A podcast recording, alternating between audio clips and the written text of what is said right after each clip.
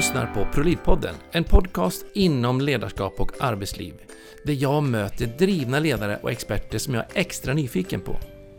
Jag heter Jan Blomström och är affärspsykolog och grundare av ProLid Academy, ett kunskapscenter för just ledarskap och arbetsliv. Vad du har för nytta av allt vad vi gör, ja, där hittar du all information om inne på prolid.se. Men nu är det hög tid att låta dagens gäst få inspirera både dig och mig. Så ge plats i studion så kör vi igång.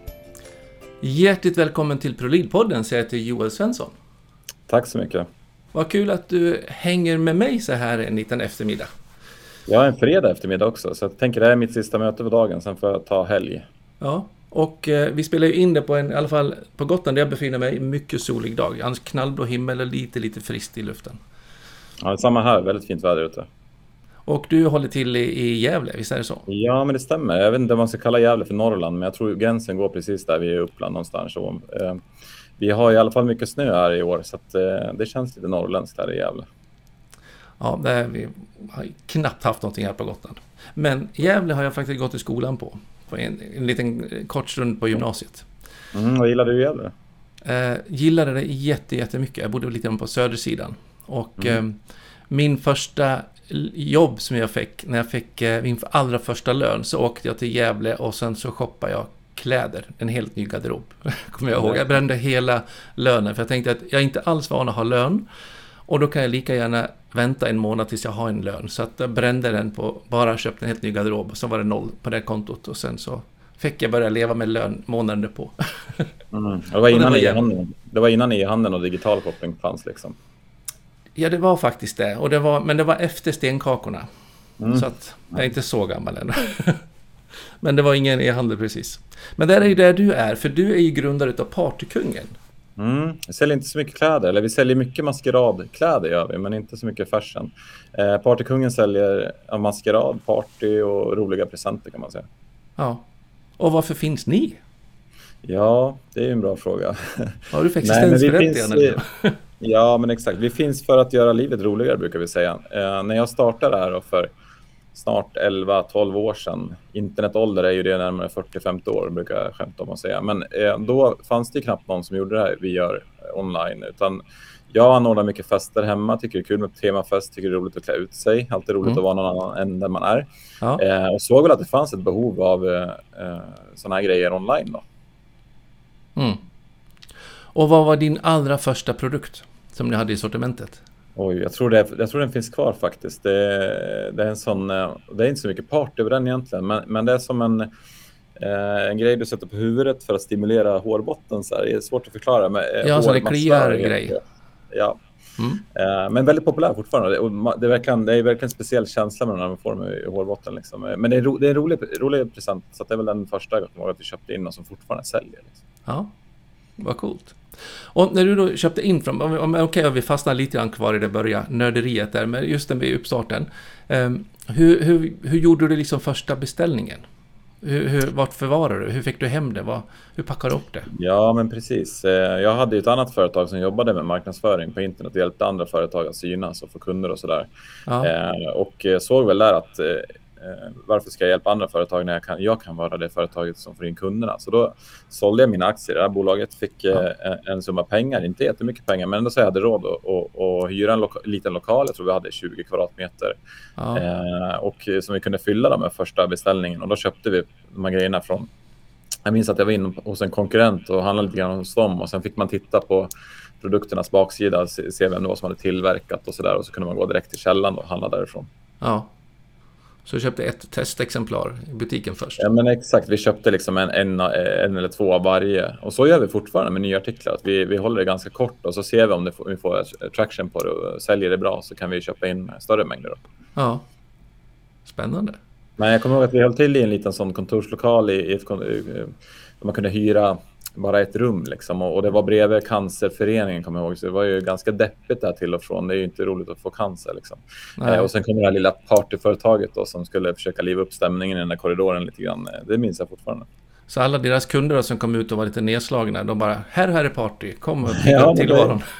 Men jag tror att man, eh, oavsett vad man är i livet eller liksom hur man mår och sådär, så kan man behöva ha lite roligt ibland. Eh, livet är ju ändå ganska kort. Liksom. Ja, Och jag tänker att just den här kontrasten, även om det då är lite cancer och, och halvbegravning, men det är ju faktiskt livet det handlar om. Mm. Och inte bara att man ska parta upp det och pigga till det, utan det handlar ju också om att, att leva, leva livet som det är. Och det är ju allt ifrån eh, roliga partyn till bara trivselgrejer och göra gör några öl hemma själv eller mm. ganska grå vardag eller ner till faktiskt tung tillvaro, tråkiga besked och sorg liksom. Ja, men exakt. Vi brukar säga det, vi har allt från dop till begravning liksom, och allt däremellan. Ja. Eh, och som du säger, vi ser inte våra produkter som att det är det vi säljer, utan vi säljer oftast eh, minnen liksom, eller en oförglömligt bröllop eller, eller vad det nu är för typ av eh, evenemang då, eller där man träffar folk och använder de här artiklarna. Så vi, vi gör ju människor glada med, med det vi säljer. Ja. Var du helt själv i början? Eh, nej, men så var det. Min eh, morsa skulle fylla 50 år, kommer jag ihåg. Och eh, min personlighet är att jag alltid gör allt i sista sekunden. Liksom. Så jag hade inte fixat någon present där. Det var ändå ganska stort att hon skulle fylla 50 jämt. Ja. Eh, så jag satt där dagen innan så här, fasen ska jag ge henne? Ja, hon har varit arbetslös. Jag tror hon har varit arbetslös i fem, sex eller sju år då och jag såg att det bröt ju verkligen ner henne. Liksom. Hon behöver mm. ha någonting att göra om dagarna. Så att, eh, och det var ganska enkelt för mig då att skriva ut ett presentkort på den där skrivaren jag hade hemma. Det stod att hon skulle få ett jobb, så det var min 50-årspresent. Eh, och det här jobbet då, eh, blev ju senare då hennes anställning eh, i Partykungen. Då, så hon var den första anställda. Ja, coolt. Hur var reaktionen hos henne då? Ja, men jag tror hon blev ganska glad. Sen är hon lite som mig, kanske lite svårt att visa eh, känslor ibland. Men, men eh, jag märker att hon mår väldigt bra. Hon har av att ha en meningsfull sysselsättning om dagarna. Eh, när, när hon började så var det hon som skötte hela laget själv och hade alla artiklar i huvudet liksom, de låg och sådär. Ja. Eh, och, och, nu jobbar hon ju deltid. Hon har gått ner lite grann i tid. Hon ska snart gå i pension faktiskt. Ja. Eh, men hon har ändå varit här 12 år liksom. Och jag vet inte hur många hundratusentals kund beställningar hon har packat genom åren. Men hon har varit en extrem tillgång för oss. Ja. Och vad viktigt också är att man har en tillhörighet. Att vara inne i arbetslivet är ju så otroligt avgörande för livskvalitet och hälsa. Liksom. Verkligen, verkligen. Så att, eh, att, att det här med långtidsarbetslöshet och de som står långt ifrån arbetsmarknaden och sånt där, det är ett jättesamhällsproblem också. Ja, men det är och det kostar så mycket mer än, eh, ja, det kostar så mycket i, i sjukvård och, och psykiskt också. Liksom. Så jag tror att jag gillar alla initiativ där vi kan ge fler människor jobb. Liksom. Eh, sen måste det såklart vara jobb som människor klarar av och som man trivs med. Men, men bara ha någonting att göra om dagen tror jag är jätteviktigt. Mm. Ja, verkligen. Eh, hur lång tid tog det innan ni omsatte er första miljon? Och vad var känslan när du omsatte det? Ja, men jag minns också att första året där var det ganska tufft ändå. Liksom jag hade tagit alla de här sparpengarna jag fick när jag sålde mina aktier i andra bolaget mm. eh, och investerade ganska mycket av dem i lager. För det är det i retail handlar om att du, har nästan aldrig pengar på kontot utan allting ligger ute på lagret liksom, i, ja. i varor. Eh, så att första året var ganska tufft. Så här. Vi hade nog kämpat på i kanske sju, åtta månader. Kände inte riktigt att det kom igång så där. Eh, tänkte så här, kanske vi får lägga ner det, men då har vi ändå provat liksom. Mm. Sen kom eh, Halloween där 20, eh, 2010, eh, första, vår första Halloween och i och med att vi säljer, eller i alla fall då sålde väldigt mycket maskeradkläder. Det stod ju för kanske 60-70 procent av eh, vårt lager var ju maskerad. Eh, och jag hade inte fattat hur stort halloween var i Sverige. Jag tänker att man kan klä ut sig lite eh, när man vill på året. Men, men just halloween är ju en sån högtid eh, på hösten i slutet av oktober där man verkligen alla går in all in för att klä ut sig. Ja. Eh, så det var räddningen där. Så här, pengarna var nästan slut och vi, hade, vi, vi sålde okej, okay, men det var inte så att vi kunde gå runt på det. Men, men sen sålde vi ju för tio gånger så mycket där i oktober första året. Och jag tror faktiskt att vi kanske passerade en miljon redan första året. Det gick ganska fort där, tack vare halloween framför allt. Ja. Och vad, vad, vad, tänkte du då? Vad var känslan i din mage när du om, passerade miljonen? Eller bara passerade den ja. utan du tänkte på det? Nej, men det var ju ett mål som man kanske hade satt upp på ett par, tre, fem års tid. Liksom. Det fanns ju ingen, inget mål att det här skulle bli något stort bolag utan det fick, eh, fick jag, hade jag råd att anställa morsan. Hon, hon fick en okej okay lön. Jag vet att vi fick lite bidrag från Arbetsförmedlingen och så där. Jag, jag plockade inte ut någon lön första åren. Eh, så att det fanns inget det var ganska coolt ändå att nå dit ganska fort. Sen, mm. sen, sen uh, har det varit en jäkla resa efter det också. Liksom. Men just den första miljonen var ju såklart väldigt viktig också. Och framförallt att få en bekräftelse på att uh, det här är en affärsidé som kommer fungera. Mm. Ja, det är ett hemskt kvitto. Och ja, jag, jag kommer ihåg själv också när jag omsatte min första miljon, när jag passerade, så var det just den här känslan av att vad är det liksom, jag, jag, det handlar ju om vad jag säger. Som psykolog så är det liksom prat, jag säljer liksom. Eh, och tänkte, men vad är det jag säger som är värt en miljon? Alltså den där känslan gick jag verkligen och grubblade en del på. Alltså vad är det jag bidrar med? Vad är det jag har för kunskap? Vad är min kunskap? Och, och vad är min affärsidé liksom? Så att eh, den där miljonen är oftast hemskt symbolisk och det märker jag hos många andra som också håller på uppstart och sånt där. Eh, att eh, den, är, den är symbolen på någonstans. Och just också med er som är då en hel del större än det är idag. Så är det ganska skönt att, att hitta liksom själen i bolaget. ligger oftast där den första miljonen. Men liksom, mm. vad var det som fick oss att våga? Eh, den här känslan av att shit, det här går vi i konkurs. Eller nästa på eftermiddagen, och nu kommer det in så många order, det här kommer vi aldrig klara av att leverera. Alltså mm. den där topparna och dalarna som svänger så mycket, liksom blottlägger ju hela ens DNA i verksamheten. Mm. Den där första miljonen. Så brukar jag se ja, det i alla fall. Verkligen, verkligen. Och nu, när vi spelar in det nu så är det ju oroligheterna också ute i Europa och Spotify och Ikea och mycket med, som, om de ska vara eller inte vara i Ryssland har man ju, mm. ser man ju många eh, på ledarna som pratar om att nu kommer verkligen deras själ fram. Och så, nu får vi mm. se hur de är som, som karaktär i bolagen. Och det är mm. liksom, mm. när man tar bort allt det här välförpackade som man själv kontrollerar över, mm. så blir det liksom kvar det som är ens äkthet någonstans. Det man mm. står för, de värderingarna man har. Det är ganska coolt. Ja. Men verkligen, jag tror, jag tror så här, det är viktigt också att eh, det är svårt för oss att ta liksom eh vi försöker hålla oss ifrån polit politiken liksom, och vi säljer ju produkter som kan vara, uppfattas eller användas av båda sidor lite grann. Så, här.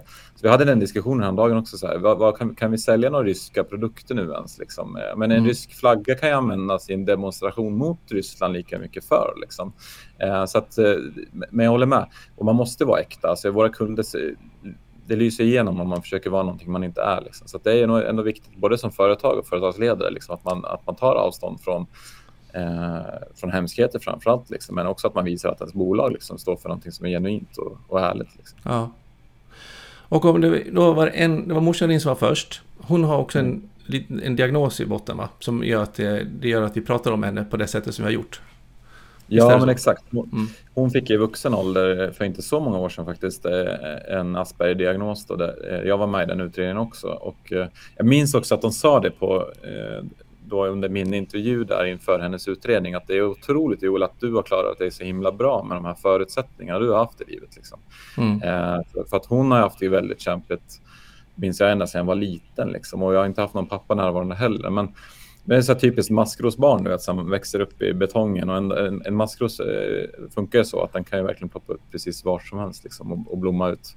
Mm. Eh, så jag har väl haft lite tur där. Liksom. Men, men ja, mamma har en Asperger-diagnos och hon har ju såklart svårigheter att hantera med det, men hon har också väldigt många styrkor med det. Eh, ja. Och ett exempel är ju att de uppgifter hon utför här är ju ganska monotona och samma lika varje dag. Och det trivs hon med. Hon, hon behöver ha rutin, hon behöver veta vad som förväntas.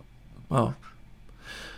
Jag tycker ofta när man pratar om personer med diagnos så blir man diagnosen. Liksom i mm. vardagligt snack. Och det är så jäklans fel. För det är ju verkligen mm. personen som råkar ha en diagnos som har vissa mm. typer av svårigheter. Och även om jag tänker att ja, Asperger många gånger behöver och mår hemskt bra av tydlig struktur och, och så. Mm. Och man kanske har hemskt svårt att liksom gå i takt med omvärlden i ett vanligt, mm. vanligt samhälle. Och då kanske det blir lite stökigt och att man har lite tufft. Samtidigt mm. så är det ju nästan inte riktigt det som är orsaken om man klarar sig att växa upp i en sån uppväxt eller inte. Utan det handlar ju om vad finns det bakom det där störiga, brusiga beteendet. Och finns det en trygghet och en kärlek där, ja men då blir man många gånger det här maskrosbarnet. För då, då är det liksom där mm. man hämtar näring ifrån, även om kontaktytan i själva beteendena och i konkreta situationerna blir ganska brusiga och stökiga. Mm. Verkligen, helt rätt förklarat. Och det tycker jag också blir så viktigt att man verkligen kan skapa förutsättningar att faktiskt få komma in och vara en del av en tillvaro som är förutsägbar. För det är egentligen det det handlar om för många av de här diagnoserna. Att hur ska vi skapa en tillvaro som är förutsägbar så att jag kan förmå mig att prestera så bra som jag faktiskt är. Mm. För det är nästan mm. alltid liksom kontexten och miljön runt omkring som gör att jag inte kan visa upp mitt bästa sida. Och då är det ju lika mm. mycket problem i miljön än att det är jag.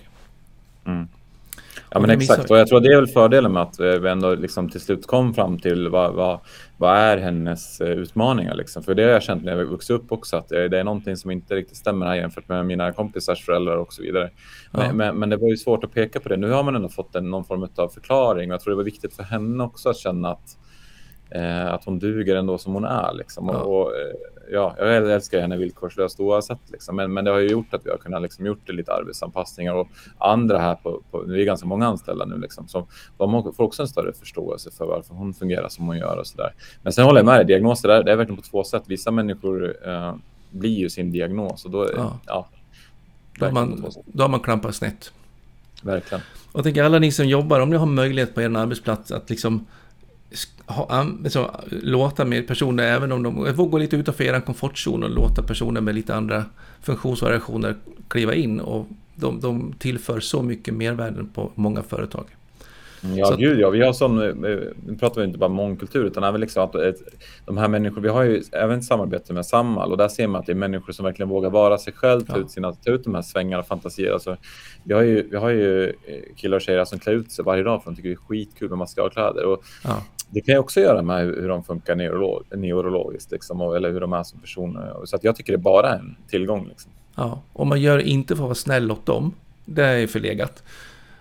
Man är bägge, de är lika mycket snälla åt det. Det handlar om att ha ett schysst klimat där bägge två kan växa och utvecklas. Både arbetsgivare och arbetsplats och enskilda Ja, det är en affärsrelation vi har. Liksom. Vi ja. behöver ju prestera, liksom. men det är win-win åt båda hållen. Och det som är så himla eh, roligt också när det verkligen fungerar. Ja. Och jag, när jag är ute och konsultar också så märker jag liksom skillnad om man antingen har bilden på att, att det är ett win-win som bygger på att vi har ett affärskontrakt. Man betalar ändå för att något jobb ska levereras. Liksom. Yes. Um, eller om det är så att man bilden att vi är så snälla och generösa, tar hand om de svaga. Då är det liksom en obalans bara i sättet att resonera och göra handlingsplanerna. Nej, men det håller jag med om. Det, vi, vi ser det så här, det är en del av vårt CSR-arbete, absolut. Vi vill ge människor eh, en sysselsättning om dagarna, men framförallt är det en stor, stor tillgång för oss. Mm. Eh, och, vi, och vi ser att eh, personer som, som inte har en diagnos kan, kan nästan fungera sämre på ett lager då när det är, blir för eh, likadana uppgifter varje dag. De, de behöver en större variation. Det behöver inte vara så, men, men många har, har, behöver mer utmaning eller liksom de behöver jobba med lite olika saker med, medan eh, vissa av de här med, med, med, olika diagnoser kan fungera extremt bra eh, på de här uppgifterna som är likadana ja. varje dag. Och testa och prova och, och fråga mm. vad, vad man kan vara. Ja, men det var, Mammarin var nummer ett och en miljon kom ganska fort, även om det var lite grann små likviditetspaniker där under resans gång. Eh, mm. men sen har vi, om vi skuttar fram till idag, så mm. ni omsätter drygt 200 miljoner någonting då, eller hur, hur ser det ut? Eh, ja, eh, pandemiåret 2020 då var ju vårt, eh, var lite kämpigt för oss i och med att folk, vi säljer produkter till sociala sammankomster och, och människor vågade knappt träffas där i, i början Nej. av pandemin. Man visste inte om man skulle bli sjuk och hur farligt det var. Men, men 2020 då så lyckades vi trots pandemin öka omsättningen lite grann så då landade vi på 222 miljoner tror jag. Och sen under förra året fick vi en liten revansch då i och med att jag tror att restriktionerna togs bort där till, i höstas, som det var slutet av september 2021, eh, som, som det var okej okay igen och se såg ut på krogen och sådär. Ja. Eh, sen kom ju den här fjärde vågen som, som, som, alla känner till i december där och januari, även februari har varit lite kämpigt här. Eh, men, men, förra året så ökade vi omsättningen från 222 till 320 miljoner, så det var nästan en, en tredjedel mer omsättning då, som vi ska försöka få igenom här. Det är väldigt kämpigt och mycket växtverk när man, när man när det går så fort. Ja, jag ber om ursäkt om jag var oförskämd för att prata 200. ja, men det är ingen fara. Vi siktar på 500 miljoner så vi är väl där snart förhoppningsvis. Ja, ja fortsätter ni med 100 upp varje år så är det spännande. Eh, men det, det, gör ju då att idag är ni lite fler än du och morsan misstänker jag. Hur många är det idag? Ja, men exakt. Idag är vi, det varierar lite grann under säsong. Eh, eh, vi har ju betydligt mer att göra eh, på hösten än, än på våren. Mm. Eh, men jag kollade precis innan jag gick in i det här samtalet. Jag tror att vi var ungefär 45 stycken på lagret idag och sen är det väl ungefär 20 stycken tjänstemän då, som jobbar med kontors, eh, allt ifrån kundservice till ekonomi och, och inköp och sånt där. Ja. Okej. Okay. 70, 70 personer ungefär är vi på lönelistan idag. Ja, det är lite mer än du och morsan. Ja, ja vad kul. Ja, det är så spännande tycker jag. Med, med, när man liksom har en idé och sen kan den liksom verkligen skala upp sig och, och bara bli volymös. Jättekul. Ja, exakt. 500 miljoner är väl... Ja. Mm. Jag tror att det, det är det som är e också, att det skalas himla bra. Man, man lär upp till en viss volym innan det, innan det, liksom, eh, innan det börjar generera någon form av avkastning. Och sen e-handel, det, det skalar väldigt bra. Det är ju, vi säljer ju samma sak som för tio år sedan egentligen, bara att vi säljer till fler kunder. Mm. Eh, om ni då är så pass så många nu, eh, omsätter så pass mycket, så då tänker jag att då har du en annan typ av ledningsorganisation än vad det var när du och morsan skulle planera. Verkligen. Hur ser eh, ledningsgruppen ut? Kan inte du berätta lite hur du tänker kring att bygga ledningsgrupp? Och ja, men jag tänker så här att jag är ju en, vad ska man säga, en visionär entreprenör. Jag tycker det här är kul för att det är roligt. Jag är, jag är inte här för att jag tycker det är svinroligt med eh, personalfrågor eller eh, vad heter det, MBL-förhandlingar och allt det här som kommer med på köpet lite grann. Så ja. jag, jag, förstår att man behöver göra det. Jag förstår att det är viktigt. Jag förstår att vår personal är en största tillgången vi har. Så vi behöver, de behöver känna sig sedda och vi behöver liksom utveckla dem och sådär. Eh, men jag tror jag har insett senaste åren liksom att eh, det är, inte, det är inte det jag brinner för, även om jag brinner för att träffa människor, tycker jag är trevligt. Men, men just de här eh, personalfrågorna har jag, har jag tagit in. Då har vi fått delegera den uppgiften vidare. Då. Så då har vi en ledningsgrupp då, som vi kallar det för, där det finns en som är ansvarig för lagret som jobbar med logistik och all personal på lagret och så har vi en som är kontorschef då, som jobbar med på tjänstemannasidan då, liksom, med alla personalfrågor och, och hur vi ska liksom, tänka kring organisationen där. Ja. Så jag får fortsätta göra mitt visionära jobb, eller vad man ska säga. Det finns andra saker jag tycker också är roligt, som alltifrån inköp till marknadsföring tycker jag också är väldigt, fortfarande väldigt roligt. Eh, men, men vi har verkligen byggt organisationen för att de människor som tycker det är svinroligt att jobba med människor ska göra det. Liksom. Ja. Det är en jädra stor utmaning för många som Eh, entreprenörer som växer lite mycket och sen så hamnar man liksom så långt ifrån det som gjorde framgången i verksamheten. Att faktiskt vara där man fungerar bäst. Mm. Och så sitter man där och ska administrera massa saker. Så det är verkligen nyckelframgången, tänker jag. Att se till att vara där man ska vara. Och men ver verkligen, jag tror, det tror det är lätt att bli lite dumsnål också, att man tänker ja, men de där frågorna kan jag sköta själv. För det skapar, anställer någon som är HR till exempel, så skapar det skapar inte så mycket försäljning till kund. Liksom. Men, men, det jag insett med åren är att det skap, kan, vi, kan vi få våra medarbetare att bli 10% mer motiverade så skapar det i sin tur mer försäljning. Så man, ja. man är inte dumsnål där och tänker, tänker att det är bara en kostnad att anställa någon som jobbar med HR-frågor eller arbetsmiljö och så vidare. Men, men det, det är ju faktiskt en intäkt på långsiktigt. Så det, jag tror det är jäkligt viktigt att man har den resursen också om man inte klarar mm. av att hantera det själv. Ja, för att en försummad HR-funktion som mm. inte gör det den ska, den eh, genererar ju en aktiv icke-leverans i, i försäljning och i leverans. Mm. Så att ehm, jag, brukar, jag brukar ofta prata om tidsbudgetar. Mm. För det är så svårt att prata pengar många gånger i omsätt i beteende. Men tidsbudget har vi alla. Och en arbetad timme, den brukar vara värd kanske 2000 kronor. Mm. Och den ska täcka min lön, den ska täcka min chefslön, den ska täcka lokaler, IT-avdelningar, en firmabil, den ska försälja allt och sånt. Den ska täcka massa saker och sen de kanske vinst på sista raden. Mm. Eh, så 2000 spänn brukar vara på en vanlig medarbetare liksom, i timmen. Mm. Och mm. sitter då åtta personer, eller sex personer en timme, då, eller åtta timmar, åtta personer en timme, då blir det åtta timmar budget man bränner. Mm. Det är en hel arbetsdag. Och mm. en, timme, en grupp då på åtta personer som sitter en timme kostar då 8 gånger 2000, det blir 16 000 spänn skulle komma faktura på att ta det möte, en timmes möte. Mm. Mm. Tänker vi då att du har 100 personer och de inte riktigt, riktigt, riktigt vet vad målet är eller vad, mm. hur ska prioritera? Så att man kanske presterar på 90% av sin kapacitet för att ja, jag duckar lite under radarn, jag väntar på att chefen ska komma eller någonting sånt. Mm. Ja, men då har du ju 10% av en arbetstid. Mm. Gånger då 100 personer. Mm. Då har du pengar. Gånger då per 2000 per timme. Verkligen, verkligen. Mm. Så att verkligen ja, ligga rätt i tid skapar en otrolig mervärde. Ja, men exakt så tänker jag också. Smart sätt att se det på också tycker jag. Och lika det här med möten också. att eh, det är, Vissa möten är oundvikliga, liksom, men, men, men jag tycker det är viktigt att man får någonting ut av dem också. För de kostar ju otroligt mycket tid. Och det är som du säger, tid är ju ändå den hårdaste valutan vi har någonstans i, i livet generellt, inte bara på jobbet. Liksom. Och försöka nyttja sin tid så mycket som möjligt och bli så himla effektiv man kan bli på sin tid också väldigt viktigt. Och jag brukar tänka, liksom, man kliver in på ett möte, ska liksom ta dörrhandtaget och öppna och kliva in i mötet. Innan jag ens gör det så måste jag veta, vad ska det här mötet ha genererat efter en mm. timme? Eller en halvtimme, eller långt möte man nu har. Alltså mm. vad ska vi ha löst för problem på det här mötet? Mm. Mm. Om inte jag vet vad vi ska ha med oss när vi går ut, då behöver jag inte heller gå in. Ja, det är smart. För att det är så många som går in på ett möte och säger ja, jag var med på sändlistan eller ja, vad ska vi prata idag? Så är det lite med armarna i kors och hänger lite. Mm. Mm, och så blir det som det blir. Ja, vi har aldrig råd att någonting blir som det blir. Vi måste veta vad vi söker, försöker få till, så kanske inte vi kommer dit. Och har man också koll på vad man ska få till, ja, då blir det också intressant att se, är vi rätt personer? För att göra den här uppgiften, saknar vi någon? Mm. Är vi någon som är, sitter med som inte behövs?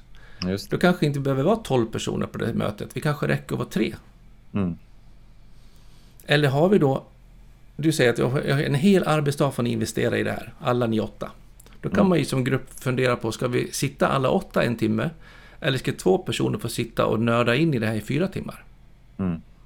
Då har du samma kostnad. Just det, just det, det är sant. Och så hur nyttjar vi resurserna på bästa sätt? Mm. Och ibland behöver vi samlas alla. Då är det mm. stormöte och man behöver veta ett syfte med det. Men många, många, många gånger så handlar det om att skapa den tryggheten, tänker jag, att man inte behöver vara med och ha koll på de andra kollegorna. Att den, jag litar på att de faktiskt förmedlar och gör lösningen till en bra lösning. För nästa vecka mm. så är det jag som är med och gör en lösning. Mm. Och det där är ju ett tänk som en HR ofta ska ha. Mm. Och liksom, hur ska vi rigga, hur ska vi arbeta arbetssätt, vilken kultur, vilket klimat, vilka värderingar ska vi ha? Mm.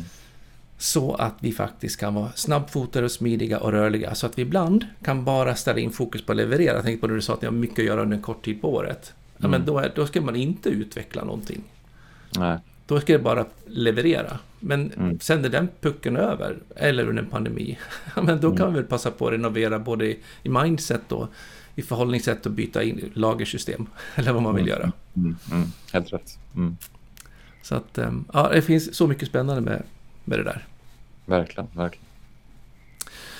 Eh, om man eh, du sa att du brinner mycket för det visionära och strategiska. Mm. Eh, och så nördar jag in och pratar om, om humanfrågorna, det som du inte brinner för. Ja, men det är bra. Jag gillar båda, båda delarna är viktiga. Men, men om man då tänker sig just att det här vision, visionära och liksom de bitarna, är det du som står för det? Eller hur jobbar ni med dem? Hur, hur breddar du förankringen och hur breddar du perspektiven?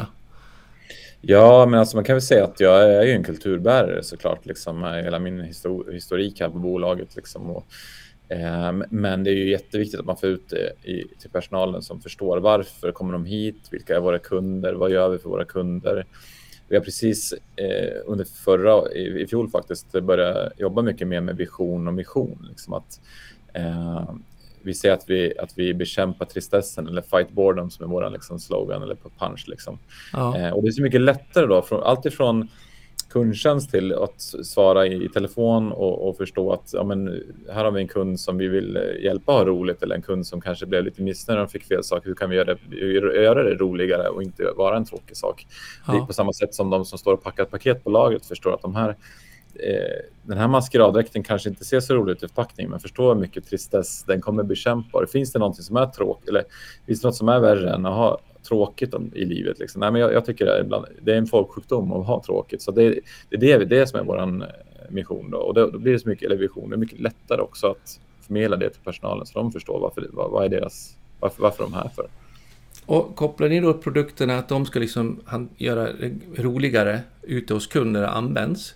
Eller ja. kopplar ni det lika mycket till att det ska vara roligt att packa kartongen? Det ska vara roligt att ta ut ordern från systemet. Ja, men, men det är precis hela den processen. Liksom. Allt ifrån hur du upplever oss som eh, i kontakt med oss till, till i vår grafik, hur, hur, du får din låda, att den ser rolig ut. Att, eh, när vi gör våra inköp, så ska, vad ska den här produkten lösa för problem? Ställer vi oss frågan. Liksom. Ja, men den ska ja. fight boredom, den ska liksom bekämpa tristessen på ett eller annat sätt. Och det kan ju vara, det kan vara ett par vita servetter, men som du ändå använder till, en festlig, till ett festlig mottagning. Liksom. Och, och då bekämpar de tristessen på det sättet, samtidigt som det kan vara något väldigt roligt, bara att det är en rolig skämtartikel eller vad som helst. Så det, jag tror det genomsyrar hela organisationen, hur vi tänker och, och hur vi jobbar, hur, hur, våra lokaler ser ut, att vi har en rutschkana här som vuxna människor använder varje dag, liksom, istället för att vi har bara en trapp i entrén. Liksom. Så det, ja. det, är så himla enkelt att jobba.